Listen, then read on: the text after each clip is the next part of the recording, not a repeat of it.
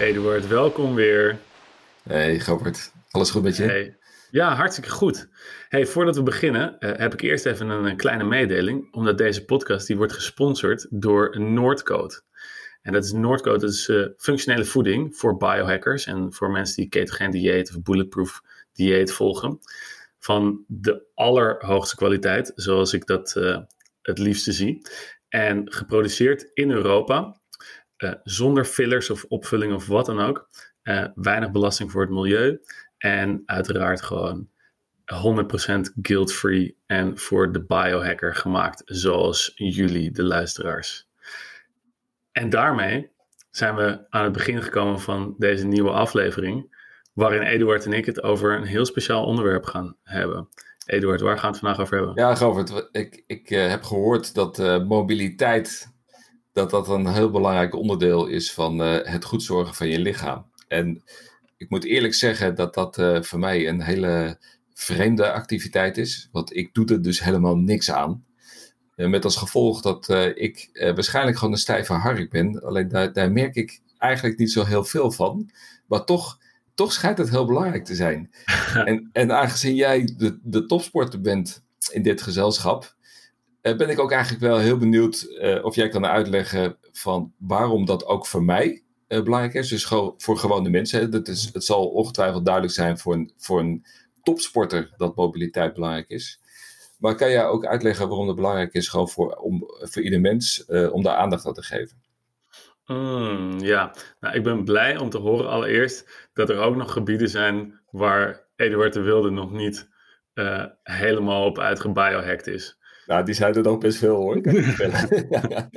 nou, nu gaan we dan. We hebben nog wat afleveringetjes voor de boeg. Dus, ik, ik ben een mens. Ik ben een ja, mens. ja, echt. Ja. Um, maar um, dus jouw menselijkheid, die, uh, heeft, die zorgt er ook voor dat jij in een lichaam zit met allerlei spieren, pezen, fascia en weefsels. En die uh, weefsels, die worden nou eenmaal, hoe ouder je wordt, worden die um, door het niet gebruiken of niet opzoeken van bepaalde bewegingen, worden die langzaam, worden ze net een klein beetje stijver en een wat stroever. En voor je het weet, uh, en dat gaat echt heel langzaam, dat, dat merk je niet op, uh, gaat je lichaam zich een beetje aanpassen aan de bewegingen die je in het dagelijks leven doet. Dus als jij veel zit en als jij weinig met je handen boven je hoofd komt, om iets op te tillen boven je hoofd of ergens aan te hangen boven je hoofd. Of uh, dat je ver door je knieën gaat, zoals Indonesiërs graag zitten op, een, uh, op de stoep. En dan, uh, dan ga je, gaat je lichaam zich aanpassen. En uh, zoals met alles in je lichaam geldt, if you don't use it, you lose it. En zo geldt het ook voor mobiliteit. Oké, en, en, en zeg maar, wat zouden dan de, de risico's daarvan zijn? Op het moment uh, dat ik die beperking, hè, wat op het moment dat ik uh, gewoon doe wat ik doe en ik, ik functioneer in mijn dagelijks leven, ik doe de dingen die ik altijd doe en ik, en ik voel daar geen beperkingen in. Zeg maar, waar, waarom zou het dan zeg maar, toch noodzakelijk zijn dat ik daaraan ga werken? Ja, nou ja, dat kan twee kanten op. Enerzijds is dat als je dan ooit een keertje wel wordt genoodzaakt om een bepaalde range of motion op te zoeken. Zoals bijvoorbeeld als je uh, in één keer bedenkt dat je met je kinderen uh, een bepaald uh, even wil gaan sporten. En als je dan even net een kleine verkeerde beweging maakt, dat je dan voelt van oeh, daar had, het, daar had dit lichaam vroeger wat minder moeite mee. En zeker nu is er dan wat, uh, is er dan wat beperking gekomen. En dat kan leiden uiteraard tot blessures. Dus dat allereerst. En, uh, maar als je dat niet opzoekt, dan, um, ja, dan, uh, dan, dan, heb je, dan, blijf je, dan blijf je altijd veilig. Maar ja, voor mensen zoals wij, we, we, willen gewoon af en toe ook eens eventjes uit de band springen, toch? Maar als, je, als je nou kijkt naar bijvoorbeeld, ik, ik werk vaak met mijn kettlebell, hè, dat, dat, uh, daar heb ik het vaak over. Dat is een van mijn belangrijkste fitness tools. Waarbij ik gewoon in een hele korte tijd uh, hele explosieve krachtoefeningen kan doen. En dan kan ik mijn omhoog jagen enzovoort. Uh, zou je dan kunnen uitleggen van, van wat er dan zou kunnen gebeuren op het moment dat ik die oefening doe. En want het, ik, ik, ik weet dat dat technisch best een, een, een, Het is een technische oefening waar je, waar je goed moet opletten. Van waar, waar zou ik moeten opletten en waar zou het risico in zitten als ik niet let op die mobiliteit, dat er dan eventueel mis kan gaan? Nou ja, dat is, um, daar zou ik jou uiteraard eventjes gewoon voor mij bezig moeten zien met die, uh, met die kettlebells. Maar, want er zijn duizend verschillende vormen van beperkingen van mobiliteit. Ja, maar ik werk dagelijks... Uh, neem bijvoorbeeld de swing, hè, de kettlebell swing. dat, dan, dan pak ik die, die kogel, dan zit ik in een... uiteindelijk, je komt in een hurkpositie waarbij je die kogel tussen je benen door naar achteren swingt. En vervolgens uh, strek je je uit en dan uh, met je heupen naar voren en dan gaat hij omhoog. En, dan, en op die manier swing je die, die, kettlebell heen en weer. Zo. En, en, en wat, wat zou daar nou fout in kunnen gaan uh, als gevolg van mijn beperkingen? Um, nou, allereerst, als jij vaak, als je lang zit achter een bureau, dan zijn je benen constant in een opgekrulde positie.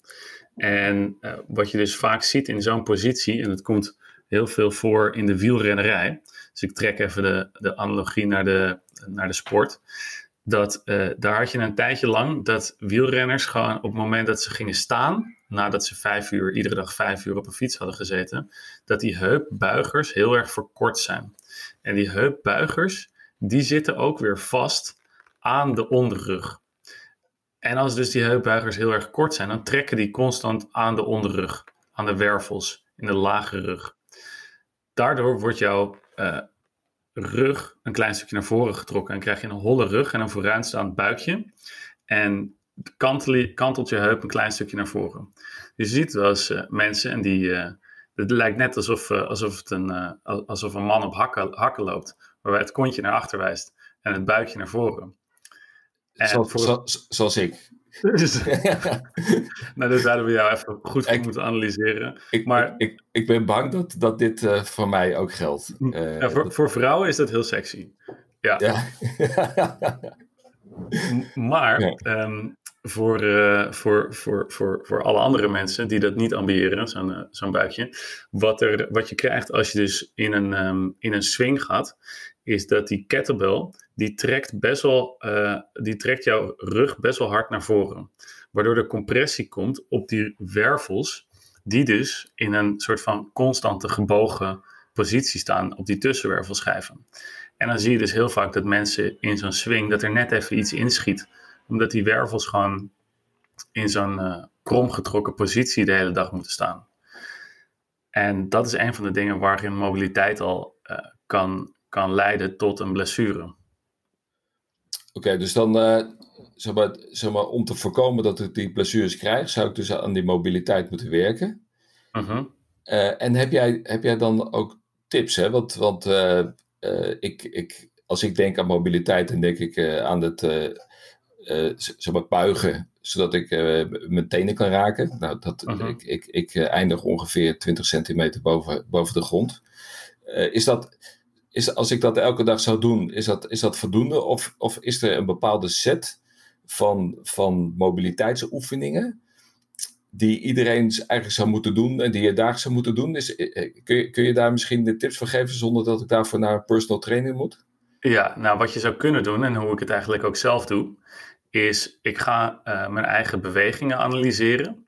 En dan voel je, moet je proberen te voelen waar de beperking zit. En dat is wel moeilijk, uh, want je moet uh, daar best wel grote lichaamskennis van hebben. Dat is, dat is, bij mij helemaal niet moeilijk. Oké. Okay. nou, um, en noem, noem bijvoorbeeld een, een gewricht waarbij, waar jij moeite mee hebt.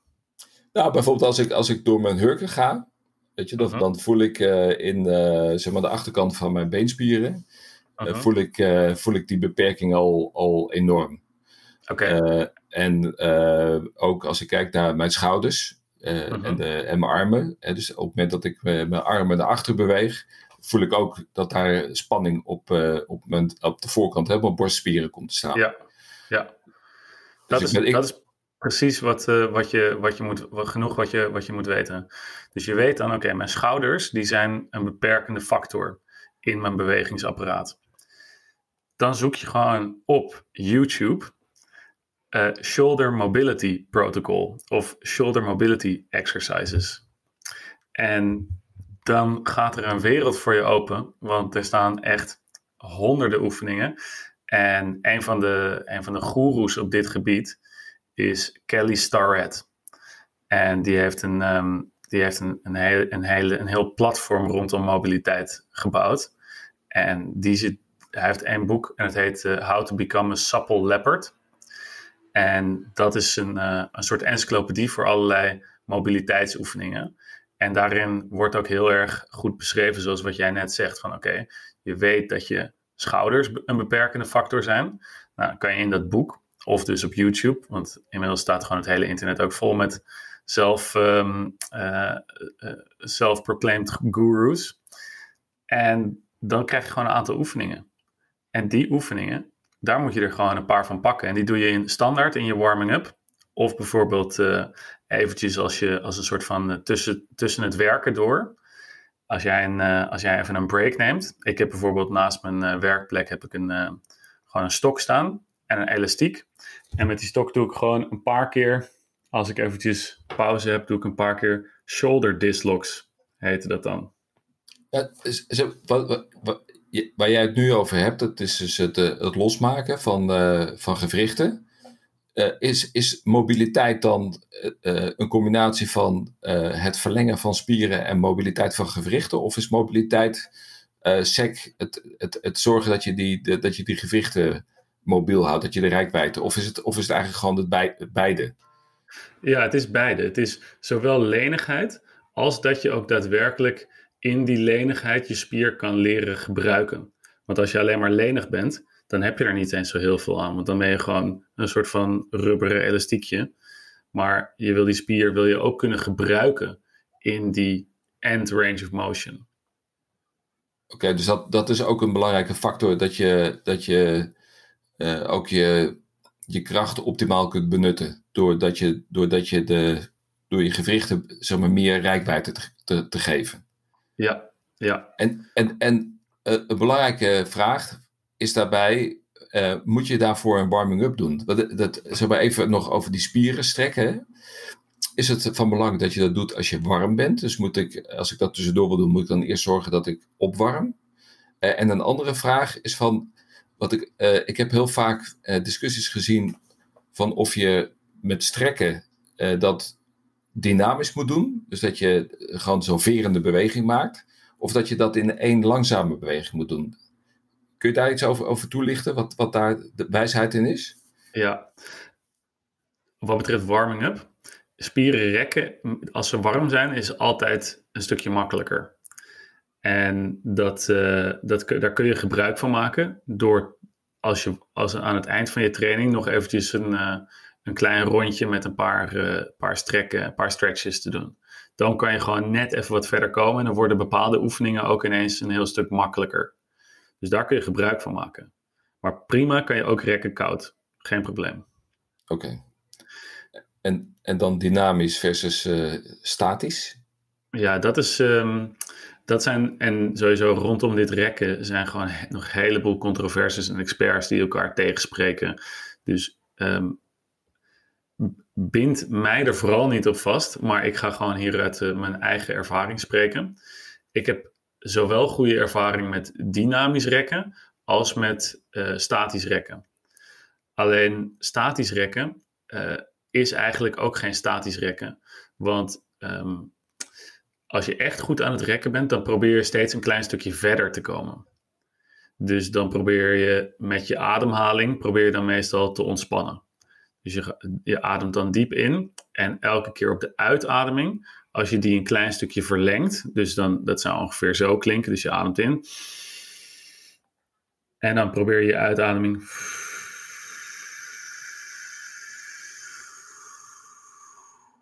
steeds een stukje langer te maken. En dan merk je ineens dat je na drie of vier keer zo'n diepe ademhaling, dan valt er in één keer een stukje spanning weg. En dan kan je net een paar centimeter verder. Oké. En, dat, en, en, en dat, noem je dat dan eh, statisch of dynamisch? Of is dat, is dat gewoon... Dat zou, dat zou statisch zijn. Ja. En dynamisch rekken, dat is, uh, dat is nog weer een, weer een ander verhaal. Uh, ik ben een groot fan van neurodynamisch stretchen. En um, ja, dat is, dat, is, dat is echt iets wat je. Dat zijn van die dingen die moet je eventjes op, uh, die moet je eventjes op YouTube opzoeken. Want als ik dat zou moet over een podcast moet gaan, moet gaan laten zien of uitleggen, dan zitten we, dan zitten we allemaal, gaat het, gaat, gaat het allemaal duizelen voor ons. Dus zoek, zoek neurodynamic stretching uh, of PNF stretching, dat soort zaken. Zoek het maar eens op. Oké, stel nou, jij geeft mij nu een, een aantal tips waarmee ik aan de gang kan. dus jij, mhm. jij, jij noemde al die, die stok die jij hebt, die je dan over je schouder eh, heen doet om je schouders mobiel te maken. Maar wat zouden, wat, zouden, wat zouden nu een paar oefeningen kunnen zijn waarmee ik gewoon nu aan de slag kan? Waardoor ik bij mezelf afspreek van dat maak ik onderdeel van mijn ochtendroutine en daarmee ga ik ervoor zorgen dat ik eh, eh, een, een hele vitale ja leeftijd. Dat is een heel vitaal op oudere leeftijd gaat zijn. Oké, ik denk als, we als jij net zei over, jou, um, over het vooruitstaande buikje en het naar achterstaande kontje, dat we um, een bepaalde een, een stretch zouden moeten doen die uh, je iliopsoas op gaat rekken. En een van de, uh, een van de stretches die daar heel erg uh, goed voor helpt, is een, um, een lungepositie is een lungepositie waarbij je één been voor hebt en één been achter en je zakt dan door je knieën of door die voorste knie. Uh, die zit ook al in de zonnegroet die uit de yoga komt. Dus als jij iedere dag even zou opstaan, wat, wat de yogis ook daadwerkelijk doen, met een paar keer de zonnegroet, uh, of je, en je doet het een paar keer tussen je werk door als een soort van pauze, even de zonnegroet, dan ga je daar al een, uh, een deel van je, van je mobiliteit mee vergroten. En hoe doe ik de zonde goed? Ja, nou ja, um, ik denk dat, uh, ik denk dat meneer Google je daar echt nog beter bij kan helpen dan dat ik jou nu over de, over de, okay. over de ether mee kan helpen. Oké, okay, dus dat, dat, dat zal al een hele belangrijke zijn. En zou het raken van mijn tenen, dus proberen diepe buigingen te maken, is dat, is dat ook iets wat, wat jij dan aanraadt om elke dag te proberen te doen? Dat, zou ik, uh, dat zit ook al in die zonnegroet. In die okay. zonnegroet zit, zit zowel je, je schoudermobiliteit als je uh, heupmobiliteit uh, en je hamstrings en de iliopsoas en de kuiten. En ja, het is een hele complete beweging. Oké, okay, dus zeg maar, de moraal van het verhaal is, want, want ik, ik heb een hekel aan stretchen. Ik heb een hekel aan mobiliteitsoefeningen. Dat is natuurlijk de reden waarom ik het ook nooit doe.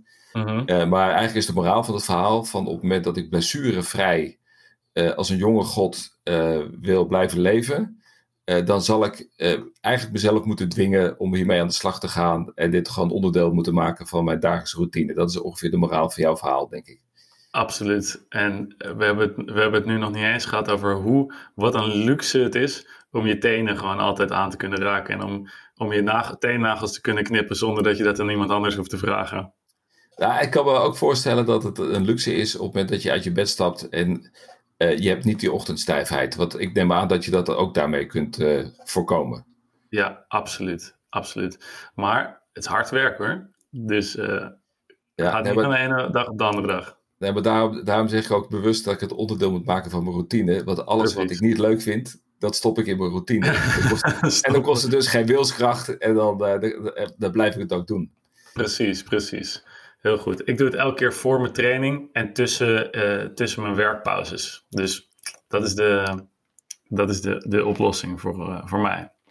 Ik hoop dat je het gaat doen, Eduard. Ik ga het doen. Ik, ik, commenteer me maar, ik commenteer me er nu aan. Ik ben nu accountable. Ik gooi het in de ether. Iedereen die meeluistert, ik kan vervolgens mij vragen op het moment dat ze mij tegenkomen van... En Eduard, hoe staat het met je mobiliteitsoefeningen? Kan je de tenen al aanraken? Ja. Jongens, je hoort het. We mogen nu Eduard accountable houden. En uh, volgende week zijn we gewoon weer terug bij jullie. En dan gaan we kijken hoe we ons nog steeds elke keer nog een klein stukje beter kunnen biohacken. Jongens, fijn dat jullie weer luisterden. Eduard, tot de volgende keer. Tot de volgende keer.